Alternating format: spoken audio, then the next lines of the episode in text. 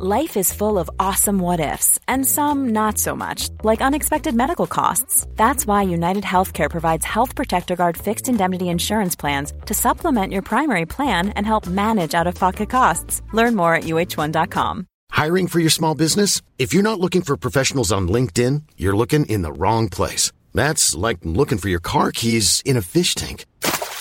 LinkedIn helps you hire professionals you can't find anywhere else, even those who aren't actively searching for a new job but might be open to the perfect role. In a given month, over 70% of LinkedIn users don't even visit other leading job sites. So start looking in the right place. With LinkedIn, you can hire professionals like a professional. Post your free job on linkedin.com slash people today. Vi är sponsrade av Länsförsäkringar. Det är vi. Eh, Jag har ju ett eh, problem i livet och det är ju att jag eh, rent ekonomiskt är något av en fuck-up. Eh, Jag eh, både tjänar för lite pengar och jag gör av med för mycket pengar. Och jag- det finns ingen framförhållning, det finns inget sparande till mig själv, det finns ingen pensionsgrej som har så många eh, som lyssnar skulle sätta eh, kaffet i, i vrångstrupen. Eh, när de förstår Ja, de gör det nu. Ja, när de förstår hur illa ställt det faktiskt är. Däremot så har jag lovat mig själv att jag ska inte låta den här ekonomiska fuck-uppigheten, som jag kallar den, föras över på mina barn. Eh, this ends now, har jag sagt. Och drag, dragit ett streck i eh, marken Bra. med kolkrita. Eh, tatuerat in ett streck har jag gjort. Och därför så sparar jag eh, till barnen varje månad. Och vi har ett system, jag och Li, att eh, Li sätter in eh, pengar på ett konto varje månad och jag sätter in pengar på ett annat konto varje månad. Livet är föränderligt, löften bryts, men Länsförsäkringar finns där för alltid och kan hjälpa till, då bland annat med Barnspar. Eh, vi tackar Länsförsäkringar för att ni hjälper Nisse och andra att hålla sina löften. Och eh, glöm då inte att Länsförsäkringar kan alltså hjälpa dig med bank, pension och försäkring. Tack så mycket!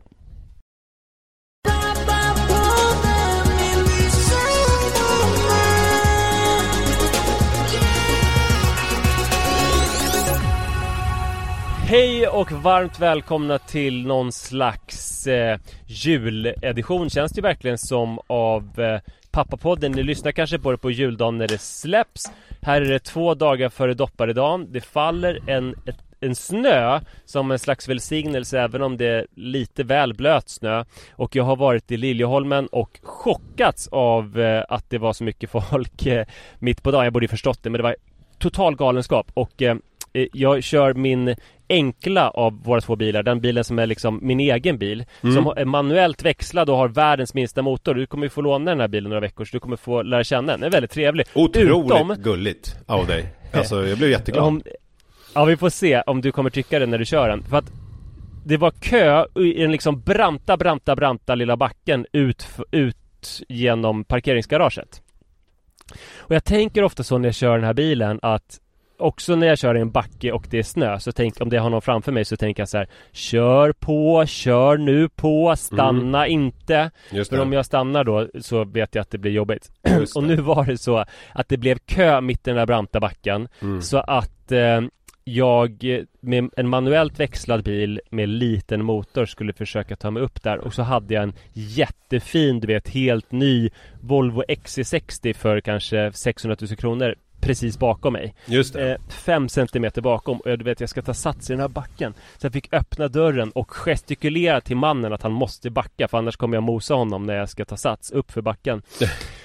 Eh, Och han skakar på huvudet och det börjar tutas så in i helvete Och jag misslyckades två gånger och liksom rullade tillbaka och fick stopp Och till slut fick jag du vet så här, verkligen så här Trycka plattan i mattan och eh, vrål, vråla motorn ut ur den där, upp ur den där backen. Eh, Så då känner man att det är jul eh, Ja, i antågande. Men gud, ja vad roligt med analogt. Jag har också kört analogt, jag Mm. kommer precis från centrum också. Jag och mamma har en julfixardag. eh, Så att vi har varit och handlat eh, och nu ska vi dra igång med lite julstök här och laga lite olika maträtter och så här. Det ska bli jättemysigt. Och då har du din mamma där? Mamma är här, vi eh, bestämde... Vilken jävla grej Ja, så att vi har en hel dag ihop, jag, hon och den här stora svarta hunden är här också. Och vi Just ska det, laga julmat ihop och bara mysa, det är ashärligt. Eh, Ja. Så jag tar en liten paus här för att spela in podden. Så jag var också Men eh, och körde hon, manuellt. hon hör vad du säger? Nej, Eh, Jag sitter Nej. i, jag har ju en trerummare så jag sitter i liksom i Mm. Jo- Jojos rum här vid hans lilla skrivbord. Alltså jag är ju så rädd Vi har ju två våningar och en femrummare Och det är bara Sara och jag hemma Men jag har ändå satt mig ute på gatan för jag är livrädd att hon ska höra vad jag säger Jaha, men Jag jag är ju så inte, jag är inte så eh, rädd eh, för sånt ju. Nej. Eh, Nej, det är ju dumt för jag menar det går ju ut i etern liksom Det är ju rätt många människor som ska lyssna på det Ja, det är ju precis. Det kunde jag tänkt på för tio år sedan när du startade podden. Om du Mm, Ja, inte vill att folk ska lyssna. Jag eh, eh, har ju också varit då och handlat och också kört faktiskt manuellt. För jag har kört eh, Ja. mammas eh, Citroën och också hållit på där i en backe.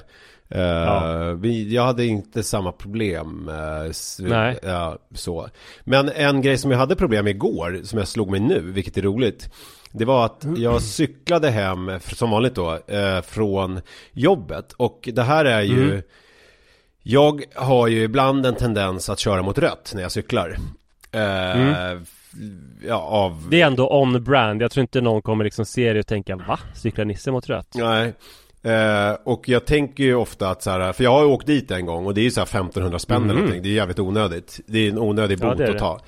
Eh, men jag tycker, någonstans så tycker jag ändå att det är lite Om löj- det inte är så att man har ett väldigt välbetalt jobb som man är såhär, men nu har jag Jag har inte fått någon bot på tre månader och jag tar 3500 i timmen som advokat eller Just i det. mitt konsultarvode är det. Så att det hade varit ekonomiskt oförsvarbart att eh, stanna vid rö- rött ljus. Alltså lite som eh, Jan Guillou tänker att det är en parkeringsavgift när han ställer sig eh, utanför Östermalmshallens Mm. dörr och bara går in och får en p-bot och liksom tänker att det är liksom ja, Det är en bra affär. Ja men det kostar, det kostar att stå här liksom. Eh, så Ja, kan man ju se, man kan ju se p-böter på det sättet. Att det liksom är, eh, att det är liksom tillgång och efterfrågan och så vidare. Att har man de medlen som, eh, det borde egentligen vara proportionerligt eh, efter inkomst då. För att det verkligen ska ta Ja, skruv. det. För 1500 kronor för en ensamstående undersköterska i Bandhagen är ju lite mer än vad det är för en eh, välbesutten eh, framgångsrik författare i Roslagen. Eh, Helt så att klart. säga. Men det var inte det jag skulle prata om. Men, men jag har eh, än så länge inte åkt dit då. Och sen igår så var det så att jag eh, cyklade och pratade i telefon som jag alltid gör eh, precis när jag hade liksom svängt ut på Roselundsgatan på Söder. Eh, så jag cyklade väldigt långsamt och jag cyklade mot rött utan att, men det var inte medvetet. Eh, utan jag cyklade på telefon. Och helt plötsligt så hade jag blåljus bakom mig och så körde fram eh, en polisbil framför mig. och jag pratade i telefon Oj. då eh, med kompis och ehm, eh, blev ju lite perplex och liksom chockad och agerade därefter. Alltså jag agerade som i trans. Lite som när jag tog mitt körkort. När, det har jag ju berättat om när jag eh, gjorde lumpen och blev väckt i väntrummet av eh, upp, uppkörningsförrättaren och körde lite så här helt nyvaken. Som att jag hann inte ens tänka efter. Jag bara gjorde det typ i sömnen. Eh, och fick körkort. Eh, för jag hann aldrig tveka, jag bara gjorde. Agerade på impuls.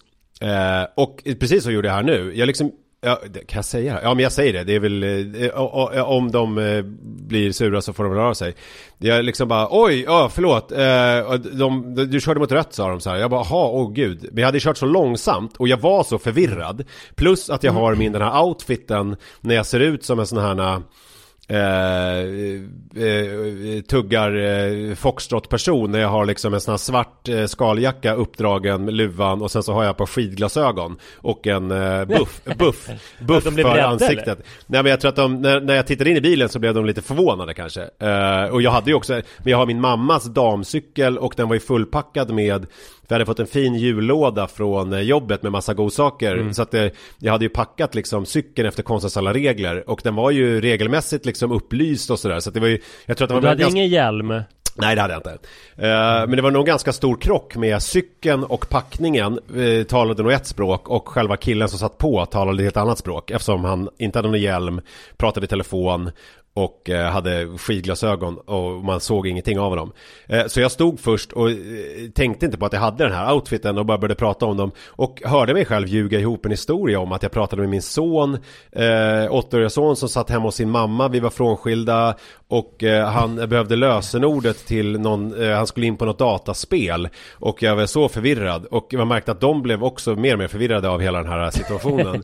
eh, och jag eh, eh, började sen, då tog jag av mig, jag liksom innan de hann ens komma med några anmärkningar så tog jag av mig skidglasögonen och tittade in på dem. Och så tittade jag in på dem. Och så ställde jag en fråga som jag har tänkt på för att från mitt jobb då som ligger på Volmer så kan man svänga vänster ner på Rosenlundsgatan eh, och där är det ett övergångsställe så att när folk trycker eh, så blir det rött men ofta när man ska svänga eh, eh när man svänger upp ut på en väg så är det rött så kan man ju svänga vänster för att, förstår du vad jag menar? Mm. För att det liksom är rött för de som kommer rakt framifrån men inte från dem från sidan. Och jag, jag blir alltid så... Är det inte, vänta nu blir det för krångligt, men det är väl höger man kan svänga? Ja, precis. Eh, det, det höger var ju, kan du svänga, ja, inte vänster. Ja, precis. Och det var ju, det var ju, det, det, här har jag ju funderat på, om det var höger eller vänster och jag har försökt googla mig till men jag har liksom inte lyckats fatta. Så då började jag prata om den trafikregeln. Ja, på vissa verkligen... ställen är det ju, jag vet inte om det är i Sverige eller om det är i andra länder så är det ju tillåtet att svänga höger mot rött.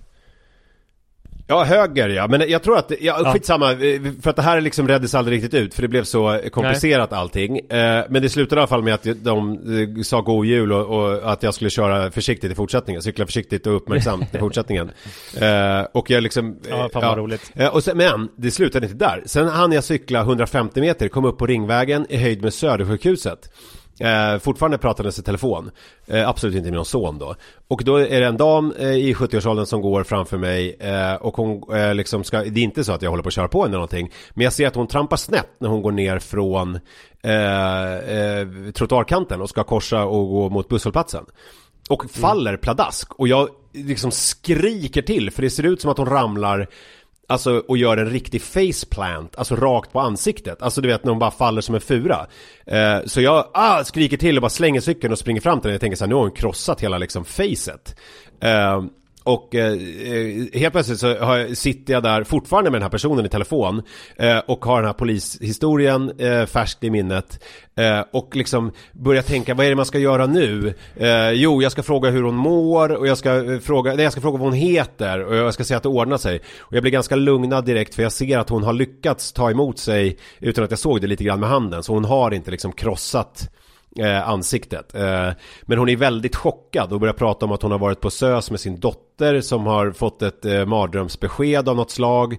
Eh, och helt plötsligt så börjar det tillskynda folk runt omkring kommer tre, fyra personer och eh, frågar om eh, det behövs någon hjälp och sådär och jag förklarar lite vad som har hänt. Och då visar det sig att alla de är läkare respektive sjuksyrror från SÖS. Så det är ett perfekt ställe att landa, ramla på. Eh, och då så bara känner jag att jag backar lite grann ur rummet och eh, så säger jag det att jag ska hämta minstingen på dagis. Alltså jag ljuger som liksom häst travar. Jag bara liksom, eh, eh, bara för att eh, ta mig ur det där. Och de sa så här, tack så jättemycket för hjälpen. Alltså typ som att de var ambulanspersonal och att jag hade varit först på plats och tagit hand om den här kvinnan. Uh, ja, och sen uh, cyklar jag vidare hemåt och uh, tar en välförtjänt bastu när jag kommer hem. Vilket jag kände att jag gjorde mig otroligt förtjänt av. Så det ja, var ju en strapatsrik resa hem igår från jobbet. Allt kan hända när man ja, cyklar från Södermalm till Farsta en torsdag strax innan jul 2023. Ja, det där händer inte när man sitter i sin bil. Nej, så är det.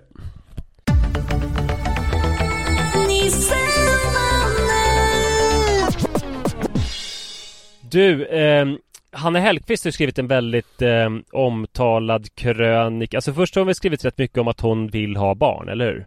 Det har ju varit en följetong. Alltså det, de senaste ja. åren har det väl varit att hennes pappa som var deprimerad tog livet av sig och hennes eh, drickande och eh, hennes barnalängtan och, och olika mm. IVF-försök och annat. Och du, du, dukning är ju hennes grej också. Hon dukar ju väldigt fint. Okej, okay. eh, och ja men sen så bor hon på landet och har hönor och sådär Som mm. eh, sitter på hennes axlar. Ja, men... inne i köket och sådär ja. De går runt ja, lite precis. som Lite som en Pippi Långstrump-figur är hon på något vis. Eller som Petson Ja, en blandning mellan Petson och Pippi Långstrump. Ja, härligt ju. Hon har skrivit en krönika som har blivit väldigt omtalad om att eh, Hon är livrädd för att bli förälder För att så här, det, det, är ganska roligt sägning. Eh, Det enda som är värre än att inte få ett barn är att faktiskt få ett. Mm. Hon försöker få barn och sen noterar hon att överallt så ser hon föräldrar som ser ut och har det så fruktansvärt tråkigt med sina barn. Mm. Som bara liksom lider av att vara med sina barn. eh, som står på ICA och tycker det är jättejobbigt med utbrott eller med bara tristess och som hela tiden går in i sina inre rum för att hänga sig för att de antingen har det liksom långtråkigt eller att det är stressigt eller att det är um, utmanande på olika sätt med föräldraskapet. Så att de, eh, de ser ut liksom att lida av att vara föräldrar. Just det. Eh, och på en rimlig invändning som jag sett mot den här krönikan är ju att eh, man förvisso ska få uttala sig om saker som man själv inte har erfarenhet av. Eh, det är ju bra att folk som har lite eh, en annan blick på vissa fenomen kan liksom beskriva det. Mm. Men just typ hell hour eller att komma hem super hämta från förskolan där det finns en hämtningshets, superstressad klockan 17.15 och eh, förskolepersonalen blev sur för man skulle hämta 17 och sen så ska man handla med ett hungrigt barn för man fick inte handla på lunchen för att man får inte handla mat när man har barn på förskolan, du vet. Eh, det var så roligt, så befriande apropå eh, det. För jag hörde, jag mm. lyssnade på en podd som heter Till sängs som Malena Ivarsson och Samanda Ekman har. Som jag kan ja, rekommendera varmt mm. till alla. Eh, och då pratade de om, eh, de kom in på eh, Malena Ivarssons föräldraskap och hon erkände ju rakt ut att hon ville ju inte vara med sina barn utan hon flydde in i hushållsarbete, stod och lagade mat, höll på och klippte olika eh, växter, gjorde allt för att liksom slippa vara med barnen. Och då, det, mm. hon var helt öppen med att hon och hennes man brukade ta en veckas semester på sommaren själva när barnen var på dagis och där, när de bara hade liksom mysigt tillsammans och liksom eh, flöt runt i tillvaron och eh, hade långa vinluncher och eh, annat härligt. Det var ganska befriande att höra faktiskt. Ja, det är långt ifrån det här som man diskuterar nu om det är okej att köpa ett, en, en liten mjölk eller inte. Men det där är lite oklart har jag förstått från olika stadsdelar nu när jag rör mig liksom lite överallt i samhället efter skilsmässan. Att på, i vissa stadsdelar så är det helt okej alltså att göra saker på dagen när eh, barnen Va? är på förskolan. Att det liksom är uttalat. Det, tror, det måste du nästan ha missuppfattat. Nej, eh, det har jag verkligen för... inte missuppfattat. Eh, utan det, det, men... det har uttalats klart och tydligt.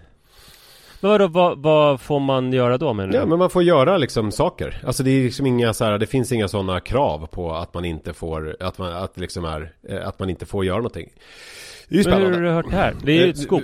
Ja, jag har hört det från folk som har barn i stadsdelar. Nu tänker jag inte nämna stadsdelar och så här, eftersom jag känner att du ifrågasatte det här så hårt. Så att då, då får folk göra vad de vill med den här informationen. Nej, men, alltså, för, ja men det är väl så här att om man har barn på förskolan så är det eh, subventionerat av staten mm. och eh, man får ha ett visst antal timmar. Men är det staten? Är det inte är... kommunalt? Dagis är väl ändå kommunala? Måste jag väl ja, Okej, ja, ja. Visst, eh, en, en, kommunal, alltså jag menar det, det är finansierat med skattemedel menar Jo men därför menar jag ju att det är, när det är kommunalt så är det ju då upp till varje stadsdel att ha lite olika regler. Eh, Det är skillnad om det är okay. stad, det är det här som är problemet med skolan ju. Att man, att man kommunaliserade skolan och då är det liksom lite High Chaparral, det kan vara lite hur som helst eh, Till skillnad då från om den var statligt Nej, det... styrd.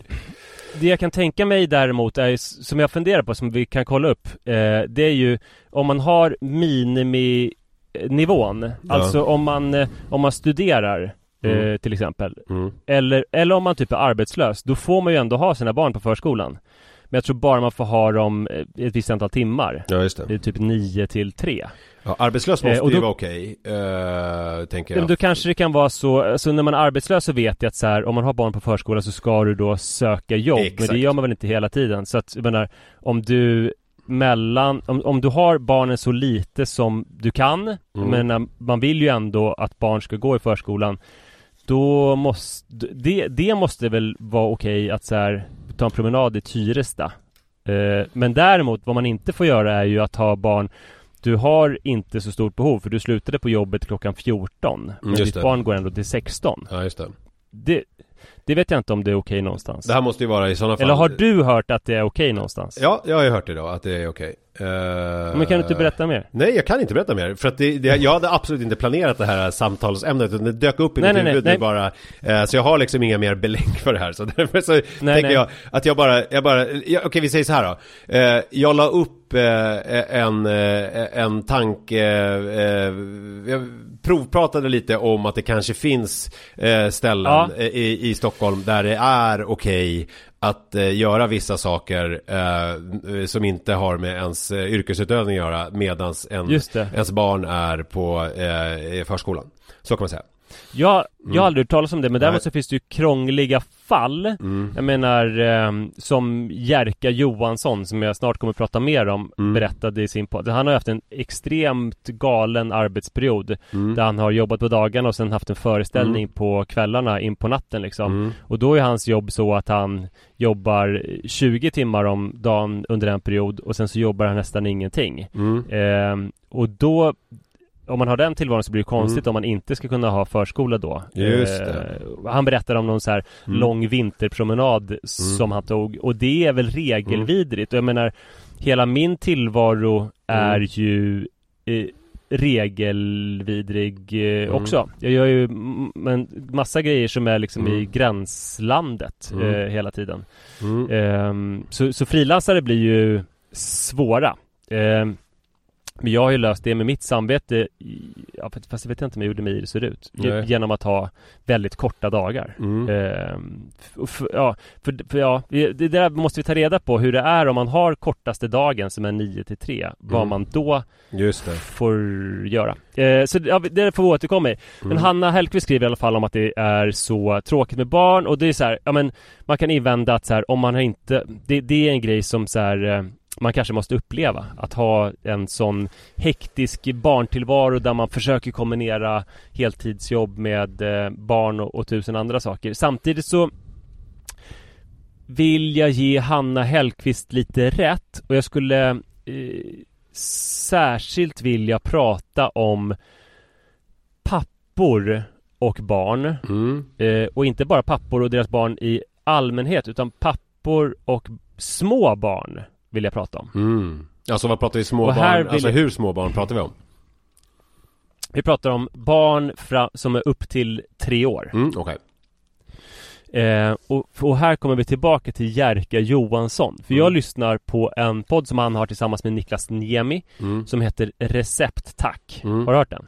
Ja, nej men du har eh, berättat för, om den för mig och jag har hört talas om den. Ja, Mm. det är en eh, matpodd eh, Alltså varje vecka så är det en maträtt som har lagats och man får eh, recept på den och det är en del snack om mat men Nästan lika mycket eller kanske ännu mer Så är det en pappapodd Där Niklas och Niemi utbyter krigshistorier från föräldraskapsfronten Alltså Niklas Niemi och Jerka Johansson byter eh, krigshistorier. Ja, Mm. exakt, vad sa jag? Jag Niklas och Niemi. Jag bara tänker, alltså det är väl Ja, onödigt det var att rätta, men jag själv blir så irriterad eh, när jag lyssnar Ja. på en podd eller på ett radioprogram och när man vet att den Mm. andra har hört att den eh, sa fel och men inte kommenterar det och så kan jag liksom inte tänka på det, eh, tänka på något annat utan det och så missar jag jättemycket snack. Så därför så Ja, kommenterar jag tycker det var, Ja. det var bra rättat Ja. Men jag Eh, fattar ju att du menade, det fattar ju alla som lyssnar också. Ja, ja. visst Niklas och eh, Jerka utbyter då krigshistorier. Och eh, eh, Niklas har en son som jag tror är drygt två år. Och Jerka har en son som är typ tre och ett halvt. Och sen så har jag en äldre barn också. Alltså Mm. han är väl typ lite grann som jag Att han har tre barn med två av dem är betydligt äldre än den yngsta. Så att han har börjat om lite grann. Mm. Och det är en grej i den här podden om att, ja, men nu senast så pratade han om en enorm milstolpe Att han hade varit med den här tre och halvt åringen och ätit sushi Och att det inte hade varit pissjobbigt Utan att det hade varit ganska mysigt Ja. eh, Och att eh, det är en, ett skifte i livet När ett barn blir tre år gammalt För då blir det typ uthärdligt att vara med det här barnet Just det. Ehm, och det är någonting som man säger till alla förstagångsföräldrar att liksom håll ut tre år Mm. för att eh, sen vänder det och så beskriver han hur hur eh, otroligt liksom obelönande det är att hänga med barn som är under tre år Ehm, och eh, att innan barnet är tre år så är det så här att om ens partner ska bort på kvällen eller om man själv ska bort så blir det liksom så här lite osämja i relationen för att ingen vill vara ensam med det här barnet och sådär. Och Niklas har berättat om att, säkert skämtsamt, men att han gärna skulle lägga sig ner och sova och vakna upp när hans son är fem år istället. Mm. Ehm, och det är de här skuggsidorna som belyses Mm. Ehm, Och jag är ju, alltså, vi har ju som tagline att vi belyser föräldraskapets skuggsidor och mirakel Mm. Ehm, Men det känns som att i samhället och bland pappor så är det så jävla övervikt på de här skuggsidorna hela tiden Är det? Ehm, ja, enormt tycker jag. Alltså för att det, det jag känner, alltså deras snack blir ju då ehm, eh, Alltså det är som att det, det är det tillåtna sättet att prata om barn. Eh, alltså att om man pratar om sina barn på ett sätt där man pratar om de här miraklerna eller hur härligt det är Mm. så är det liksom lite töntigt. Ja, ja, ja, Eh, ja, Det är lite som om man skulle ha i sin Instagram-bio så här Manne Forsberg, pappa till Adrian, Iris och Rut och sen Ja. deras födelsedatum. Ja, ja, Eh, alltså, eller bara lite- eh, sådana här eh, små bebissymboler och så står det datum när de är födda. Ja, exakt. Mm. Eh, eller bebis-emojis så är man då liksom. Mm. Så att, eh, och, och det som är positivt är ju så här Alltså man vill ju verkligen inte ha ett samhällsklimat där typ så här Jerka tycker att det är tråkigt att vara med sitt barn, han är olämplig, ring SOS. Eh, utan vi, man vill ju verkligen att det inte ska vara en så här förljugen bild kring vad föräldraskap är. Eh, att, att folk tror att det är som mamma såg ut vid millennieskiftet, tidningen. Och Mm. sen så var det jättejobbigt, det var förlossningsdepression och det var mjölkstockning och det var kolik och så här, varför har ingen berättat det här? Men det som gör mig så bekymrad det är Alltså om jag hade suttit med Jerka och Niklas och sen hade de pratat om det, rantat om hur jobbiga småbarn är Mm. Ehm, och sen hade jag sagt hur otroligt välsignad typ varje morgon känns med Adrian. Mm. Då hade jag ju varit en jävla tönt idiot som Ja. hade liksom sabbat ackordet för dem och det hade varit jättetråkigt. Mm. Men problemet är ju så att jag är rädd att Alltså, ja, vissa känner väl så här på riktigt. Andra kanske mest tycker att det liksom blir ett roligare snack om barn om man säger så här. Men jag är rädd att eh, pappor ska tro, alltså det är nästan så här som man trodde, som man sa att män var förr i tiden. Män förr i tiden, de tänkte att det var roligt om man kunde typ lira boll med dem när de var tre år gamla. Eh, men man har tänkt att vi kommer ifrån det. Men det känns som att det finns liksom en, en risk att män då inte fattar att man kan ha det helt underbart, Mm. härligt och roligt med barn som är små. Just det. Jag och om man inte tror det, liksom, hur ska man kunna ta sig dit överhuvudtaget om man typ så här dömt ut det på förhand? Det är ju någonting med alltså, eh, terminologin och med liksom eh, hur man pratar om saker formar ju, alltså vi människor f- formar, det här är ju, har ju filosofer eh, tänkt på i, i alla tider, alltså att språket är ju det som formar oss människor på ett sätt. Alltså att det liksom, Ja. vi, vi har det här språket eh, som ju liksom skapar våran tillvaro. För att, eh, och ord som vi säger och det vi liksom eh, eh, är ju otroligt viktiga och det skapar ju liksom synapser i hjärnan eh, mellan olika centra på ett sätt som eh, liksom att verkligheten blir till genom att vi uttalar den. Och om man då eh, befinner sig i ett samhälle där man då eh, präglas av att alla män då som pratar om föräldraskap eh, pratar om det i negativa termer och som någonting som ska sovas bort eh, så är det såklart att den eh, diskursen kommer att påverka liksom hur man själv ser på det. Eh, och jag har, jag har en annan tanke också, det var det här med eh, att Hanna Hellqvist eh, får tycka om föräldraskap, vilket jag tycker är, det får man ju verkligen göra. Och jag tycker också, alltså att man får som förälder eh, tycka att det är eh, jobbigt att vara förälder trots att man har drömt om det hela sitt liv och att det liksom är eh, någonting som man känner är så här eh, det är liksom eh, häftigaste man har varit med om och så här, det ger mening och syfte med tillvaron. Eh, och det kan, man kan ju inte då tänka hela tiden gå runt och tänka sig väl, att man är välsignad över att man har det så här. Nej, verkligen. För eh, det är ju lite också, du vet när man eh, att lite som när man inte orkade äta upp maten i skolan och när vi var små när de sa tänk på barnen mm. i Afrika. Lite svepande. Eh, för att de har ju ingen mat och de skulle vara jätteglada eh, om de satt här och åt mat. Och det, jag tycker att det går att överföra det resonemanget även på det här eh, för att eh, trots att man då ska vara jävligt glad att man faktiskt har barn eh, så, så, kan man ju inte hela tiden gå och tänka på det utan ibland är det ju jävligt jobbigt. Det är liksom en tanke jag har. Sen så är det andra, det som du är inne på som jag håller helt med om att det kan bli lite Eh, eh, töntigt eh, tycker jag då när man pratar om det på det här sättet. Jag vet ju till exempel när det kommer jag ihåg när Filip och Fredrik, vilket ju är lite samma eh, Samma gäng på något vis. Alltså det är samma ja, typ visst, av verkligen. grabbighet. Alltså det är samma mm. typ av män.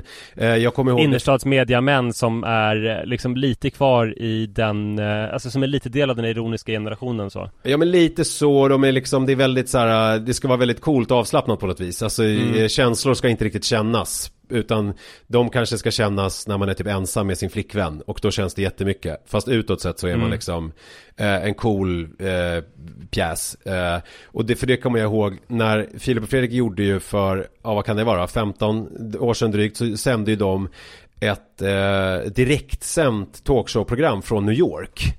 Uh, med liksom delvis amerikanska kändisar inför en svensk publik. Uh, som var då bosatt i New York, alltså en svensk-amerikansk publik då. Uh, och då kommer jag ihåg så tydligt vid ett tillfälle, för då hade fi, Fri, Fredrik hade fått sitt första barn. Och då mm. sa Filip att han inte hade träffat barnet ännu. Och då var väl det, säg att det var ett halvår eller någonting, då, fyra, fem månader. Och då liksom eh, sa eh, Fredrik med ganska raljant ton att vad fan, har du sett en bebis har du sett alla, vad fan spelar det för roll? typ. Eh, mm. Och sen så drog ner skrattsalvor för det är jävligt skönt och avslappnat och härligt och roligt Det var exakt vad du sa till mig varför du inte träffade Adrian på första året. Ja, eh, men det sa jag ju inte öppet. Det var ju ingenting nej, som jag nej. gick ut med Utan det nej, sa jag ju det. det sa jag ju liksom bara Mellan skål och vägg, eh, skål och vägg. Eh, och jag tänker att det där är ju ett sätt att vara, eh, om man sätter det i system, att vara sådär eh, blasé kring saker och ting. Då blir det mm. ju svårare att känna på riktigt eh, saker och känna hur härligt det är att vara eh, förälder och liksom verkligen njuta av det. Och verkligen också eh, Eh, vara förälder på sitt sätt och göra saker som man själv vill göra och eh, med barnen då och, och, och inte tänka på någon typ av norm eller på hur samhället ska vara utan om man nu tycker att det är så jävla jobbigt innan barnen är då tre år eh, istället då för att tänka jag ska sova tills de är tre år att man då istället liksom gör eh, eh, angriper det på det sättet att man tänker hur ska jag göra för att det ska bli så mysigt och härligt som möjligt för mig med det här barnet innan det är tre år? För jag kan ju inte gå här och bara slösa bort liksom tre år av mitt liv på att bara vänta på att det ska hända hända någonting. Eh, för det verkar ju, tycker jag, slöseri med liv när man nu bara har ett. Eh, ja, verkligen. Mm. Ja, och där tänker jag att, och det, det tycker jag är ett bättre angreppssätt på det. Att det liksom är, istället för att eh, då eh, raljant eh, konstatera att man vill sova, att man istället säger fan vad det är jobbigt att vara farsa eh, nu innan barnet är tre år. Eh, kan, fan ska jag göra för att det ska bli lite härligt? Och så ska man liksom ta sig funderare och tänka kring det. Alltså vad tycker man om att göra och vad, hur kan man kombinera det här med sitt föräldraskap och med barnet och vad är mysigt och hur ska man göra för att det ska vara härligt? Eh, sen så betyder inte det att det inte alltid att det alltid är härligt. Det sa jag ju inledningsvis, att ibland är det jävligt jobbigt och tufft och man är trött och det är liksom slitigt och man är liksom slutkörd. Så är det ju. Nej, och det är väl de två grejerna som man måste liksom hålla i huvudet samtidigt. För jag kan tänka mig att man, eh, alltså om män pratar på det sättet så köper man verkligen det för det, det verkar trovärdigt och det låter inte heller bara som att det är skämtsamt utan som att det verkligen är allvarligt. Och för mig var ju, alltså jag har ju lärt mig mycket av att så här umgås med barn eh, nu tredje gången eftersom jag haft liksom eh, två stycken stora barn hela tiden som är så olika den här lilla. Mm. Och en sak som jag märkte är ju Alltså Adrian i någon slags barnliv, han pikar väl nu för nu är det liksom som att han är så charmig när han är på bra humör så att det är omöjligt att vara nedstämd i hans närhet. Eh, men men, eh, och, och, det tycker jag inte är så förvånande att någon som är drygt ett och ett halvt år är. Det har jag väl varit med om tidigare. Men, men det som jag missade typ så här de gångerna tidigare också är att man kan kommunicera med väldigt mycket yngre barn än så. Ja. Eh, alltså att, att så här, ja men när han var sju månader så var det någon slags kommunikation som jag nog inte hade varit öppen för med Iris och Rut för att jag väntade på nästa steg och sådär. Eh, mm. Eh, man, eh, så att vi måste ju prata om skuggsidan såklart, men vi måste prata om hur fantastiskt underbart det är. Alltså, eh, det är pissjobbigt. Eh, jag tror jag nämnde det förra veckan när vi kommer hem på eftermiddagen och jag vill laga mat och han vill samtidigt att jag ska, att jag ska bära honom. Jag vill prata med Babybjörn då. Ja, löste du det? Testade du med Babybjörn? Nej, alltså jag, jag, har honom på köksbänken. Ja. Eh, men det jobbiga är att han, att det är så frustrerande att han inte vill vara med Iris och Rut då. Jag blir jätte, jätteirriterad, eller några gånger när han har varit sjuk så har nätterna varit helt fruktansvärda. Mm. Och eh, Istället för att så här, trösta honom, och det har jag gjort största delen av natten, men säga bara Nu får du sluta! Mm. Eh, helt eh, totalt irrationellt och mm. liksom det har känts Jag har typ så här nästan Sluta vara sjuk, ungjävel Sluta vara sjuk! Och jag har nästan blivit arg på Sara som ligger i rummet bredvid som inte har någonting med saken att göra eh, För att hon inte är där och gör så att han Men det är också sekundär ilska, det är ju det här klassiska ju att, mm. att, att, du känner till och med att det går så långt att du, att du äh, fräser till åt Adrian Men samtidigt så måste du liksom proxy-sura på äh, Sara För att du kan ju inte lägga all den här ilskan och frustrationen som du känner på Adrian. Det skulle ju vara för så mycket självbevarelsedrift och liksom insikt har du ju. Så att då blir det att man lägger ut det på närmsta andra eh, person som kan ta det Ja det är en sätt. jävla massa ilska helt enkelt. Och, och, eh, eller Det är typ jobbigt varje gång jag eh, ska sätta in honom i bilen. Det är bara i 20 sekunder Men han mm. är väldigt oförstående kring att jag ska trycka in honom i bilbarnstolen Men då tänker jag att det är inte bara de där 20 sekunderna som är jobbiga Utan det är ju tanken innan och tanken ja, efter. ja, visst, ja. Alltså att det blir ju, det. blir ju en, en större eh, Det är ju som om man är rädd för sprutor. Alltså det tar ju bara ett, mm. ett litet stick. Men jag menar det kan ju vara Nej, en vecka av liksom ångest Och sen så eh, liksom upp till det där Inte fullt så illa för det är ändå KBT-terapi att jag sätter dem i bilen väldigt ofta men Det blir som med varje förskolehämtning, han vill inte gå därifrån, det är helt underbart Först man ser honom leka och sådär men sen kommer man till ögonblicket så här, Nu ska jag säga till honom att gå härifrån och han kommer vara ledsen över det sådär ja, men så, så, det finns ju massa situationer som är pissjobbiga men det som jag är oförstående kring mm. Det är mm. det här med att man inte skulle kunna ha utbyte, alltså vi Det går att leka med honom, mm. alltså han kan ge mig ömhet och närhet och uppskattning, mm. alltså han det är hela tiden kommunikation, alltså och även om han har ju ett underbart skratt Det har ju du berättat ja, för mig, hur han, hur han liksom muntrar upp stämningen i hela familjen ja. Att det är omöjligt för er att gå runt och vara sura och tjuriga Exakt. med Adrian ja. Som bara sprider glädje och värme i hushållet Exakt, och jag tänker så här, eh, Det är förmätet att tro att eh, Adrian är en unikt härlig unge Utan jag tänker att så här, Den potentialen till kommunikation och verkligen så här umgänge och häng med någon som är ett och ett halvt år måste ju finnas. Det är ju inte bara Adrian, det är ju varenda ett och ett halvt år. Eller om jag tittar på så här, barnen som är lite äldre i Adrians förskolegrupp. Mm. Eh, de här som är så här, två år, som ser ut som bebisar i ansiktet men som pratar. Eh, så att det blir så nästan de nästan pratar för bra för, mm. för sitt utseende och sin kroppskonstitution och är så jävla gulliga och jag var hämtade med Rut och behövde gå och byta blöja på Adrian och när jag kommer tillbaka står hon och kramar en tjej som ville krama henne Alltså du vet så här, de är ju helt bedårande och pissjobbiga också såklart Och den andra grejen som jag inte håller med om, om jag skulle ge, ge tips till en förstagångsförälder det är att eh, ja, vissa saker är ju lättare när de är tre år, men vissa saker är ju också extremt jobbiga. Alltså Iris jobbighet pikade väl någonstans efter treårsåldern när hon blev så här diaboliskt utstuderad i sina manipulationstekniker och extremt bestämd i hur hon ville ha sin tillvaro inordnad liksom. Just det. Eh, så att snarare så känner jag väl så med Adrian liksom att det är inte som att det är någon slags trappa nu där vi går på att högst upp i trappan så är liksom den välsignade Adrian och pappa tillvaron Utan jag tänker att jag måste ju verkligen njuta av de här trappstegen nu för att han kanske kommer bli fruktansvärt jobbig som tre och ett halvt åring Och sen så är det ju det här- vet man verkligen inte Det är ju det här klassiska som, liksom, man kan ju inte öppna någon tidning eh, utan att läsa liksom de här närvarande tipsen och här och nu och leva i nuet. Och det finns ju, eh, det finns ju, för att använda ett slitet uttryck, ett, en sjuka i samhället att man hela tiden ska tänka framåt och vara någon annanstans. Eh, och det Ja. gäller ju i allra högsta grad med just barnen. För att eh, Mm. det kommer ju aldrig vara eh, bäst här och nu utan det kommer ju alltid vara bättre eh, framgent för att det känner man inte till. Och då kan man ju projicera lite grann vad som helst på den tillvaron hur det kommer vara då. Eh, det är ju, vet, känner du till också som är nykter alkoholist att det är så här att det värsta som finns är att säga så här imorgon ska jag sluta dricka. Eh, och det kan man ju applicera på det här också. Alltså så här, om ett år ska jag börja njuta av mitt föräldraskap och mitt barn. Eh, jag kan inte göra det nu, men om ett år ska jag göra det. Alltså det är ju ett livsfarligt sätt att tänka. Men jag tänkte på en Verkligen. grej nu. Jag har ju gått, eh, du vet, manusförfattarskola. Jag har ju eh, varit regiassistent på Dramaten. Jag har ju varit producent för en teater eh, för nyskriven svensk dramatik. Jag har ju liksom eh, fog för det jag säger nu.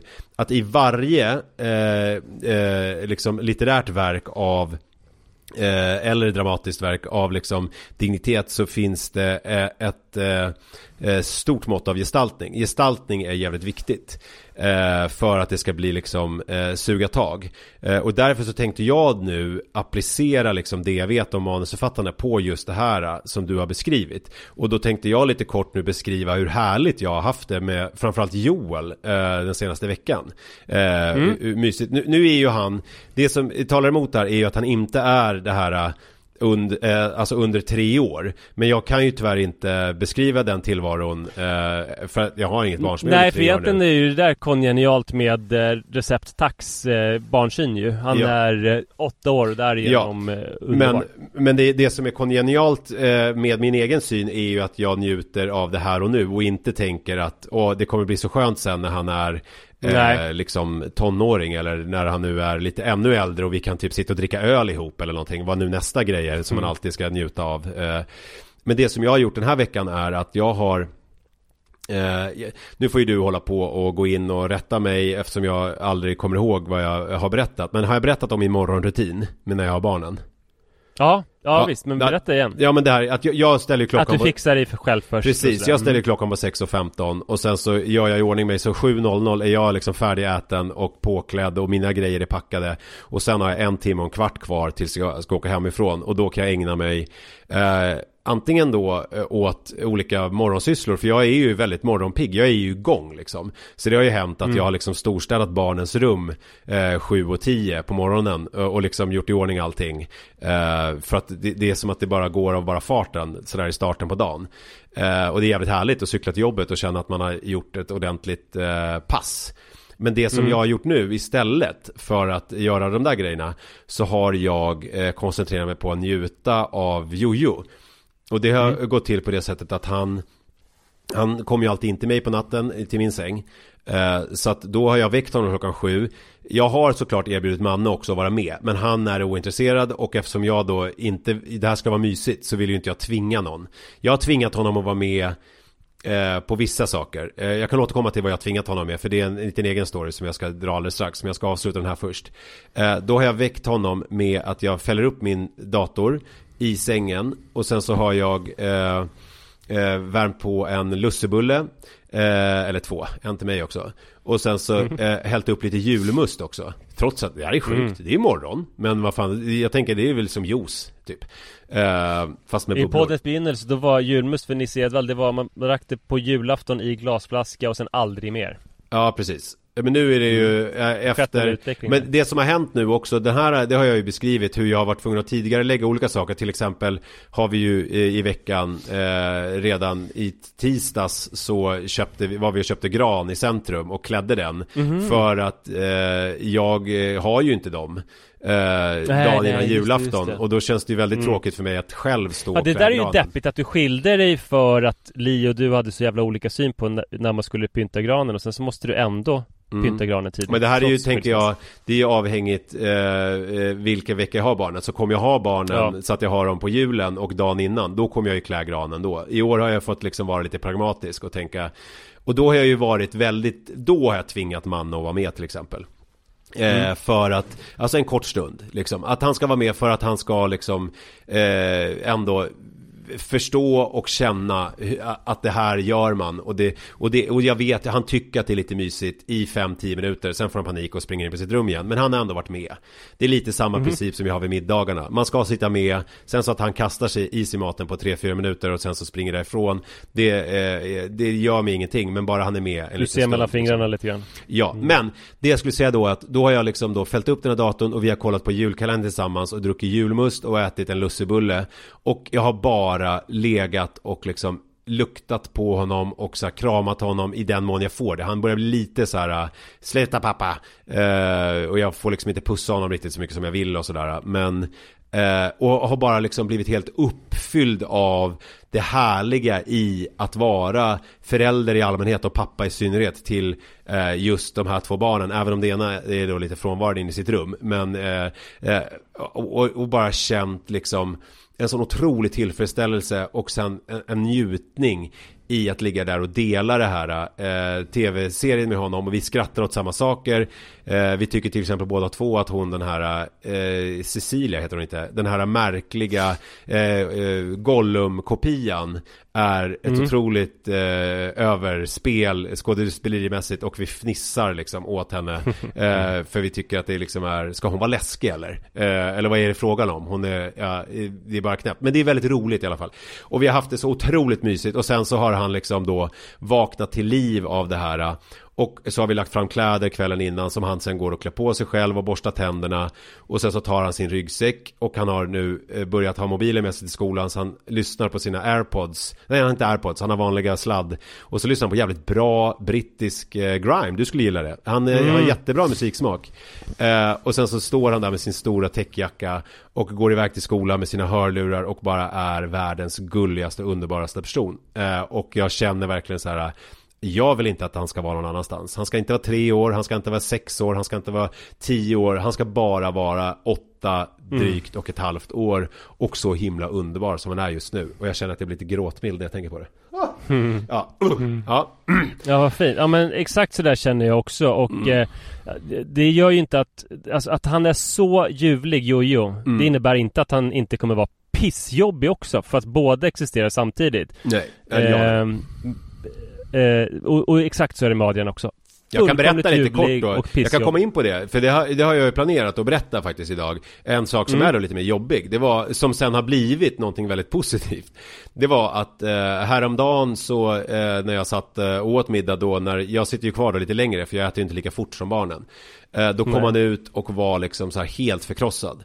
Eh, för då hade han fått ett vredesutbrott på eh, en kille i Roblox som höll på och retade honom. Alltså, ja, Roblox är ett dataspel. Eh, så han gick runt och det var en kille som han blev förbannad på Som höll på och gjorde någonting som han inte ville att han skulle göra eh, Ändå jobbigt att ens barn kan sitta i liksom sitt rum och bli retad Men när man sitter ja, och men inte, re, inte retad på det sättet att det är Utan han, eh, han var irriterad Det var liksom ja. för att han hade hållit på Men eh, det han hade gjort då var att han hade tagit musen till datorn Och kastat den på skärmen så att skärmen var förstörd Eh, och eh, liksom oreparerbar så att säga. Att det är liksom, den var, ja, den var förstörd efter konst alla regler.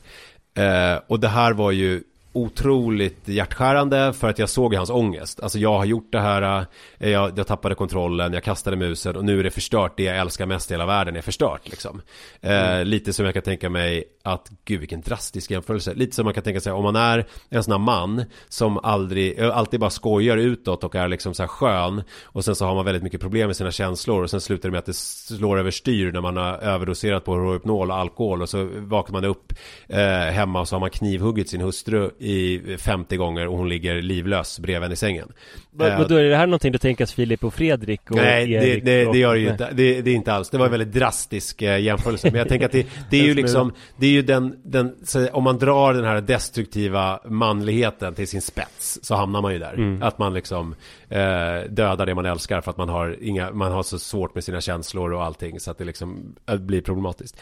Men mm. i alla mm. fall, Eh, det som är positivt med det här nu är att jag har vänt det här till för nu har jag köpt, det här kan jag berätta nu för att det här sänds ju dagen efter julafton. Jag har köpt en ny dataskärm till honom för att han har ju en bärbar dator och nu har jag liksom köpt en ordentlig sån här gamingskärm. Alltså Ja, en, bra fin skärm. Eh, som gör att, att det här negativa då eh, kommer nu vändas till en Dels att jag fick ett jättebra eh, en jättebra julklapp att köpa. För att köpa julklappar till sina barn är ju liksom, det är ju inte alltid det lättaste. Eh, men nu är jag liksom på grund av någonting som han har orsakat, alltså eh, någonting har blivit förstört, så fick jag ett uppdrag till en jättebra julklapp. Så att nu kommer ju han ju bli skitglad när han får en mycket större och bra skärm eh, till, som man kan koppla in då till hans bärbara. Så då kommer han ju få mer som nästan som en gamingdator på ett sätt. För att det kommer vara mer en sån skärm. Eh, så då kommer han ju bli otroligt glad. Eh, och jag kommer känna mig väldigt nöjd med mitt föräldraskap och min eh, papparoll. Så det där var ju liksom en skuggsida som blev liksom någonting eh, positivt. Eh, och så, det är så kanske jag tänker att man ska tänka kring föräldraskapet. Alltså så här, eh, att det är jobbigt men hur kan man göra någonting till någonting kul? Ja, så. Ja, Det var det jag ville säga om det. bra. Eh, vi nöjer oss så eh, och eh, skriv till oss om ni vill beskriva någon särskild skuggsida eller något mirakel. Jag tycker vi ska fokusera på mirakel Så... nu kanske. Vad sa du? Ska vi inte fokusera på mirakel? Vi Ja, men, uppmanar ja, alla alltså, manliga lyssnare att tänka på mirakel eller hur de ska uppnå mirakel.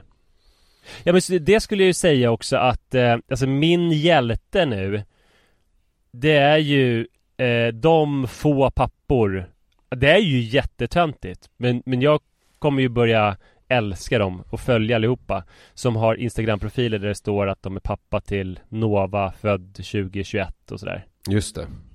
Ja. mm. Ja, och då uppmanar vi de papporna att beskriva miraklet men även de papporna som eh, inte har eh, Nova 21 eh, Ja, Mm. eh, eh, Uppdatera Instagram-profilen bums ja, uppdatera det och tänk efter hur ni ska göra tillvaron till mer mirakelfylld och inte bara en skuggsida. Mm. Go, eh, god säger så. fortsättning säger jag. God fortsättning Hej. Imagine the softest sheets you've ever felt. Now imagine them getting even softer over time. That's what you'll feel with Bowl and Branch's organic cotton sheets. In a recent customer survey, 96% replied that Bowl and Branch sheets get softer with every wash. Start getting your best night's sleep in these sheets that get softer and softer for years to come. Try their sheets with a 30-night guarantee. Plus, get 15% off your first order at bowlandbranch.com. Code BUTTERY. Exclusions apply. See site for details. Planning for your next trip? Elevate your travel style with Quince. Quince has all the jet setting essentials you'll want for your next getaway, like European linen, premium luggage options, buttery soft Italian leather bags, and so much more. And is all priced at 50 to 80% less than similar brands. Plus, Quince only works with factories that use safe and ethical manufacturing practices. Pack your bags with high-quality essentials you'll be wearing for vacations to come with Quince. Go to quince.com slash pack for free shipping and 365-day returns.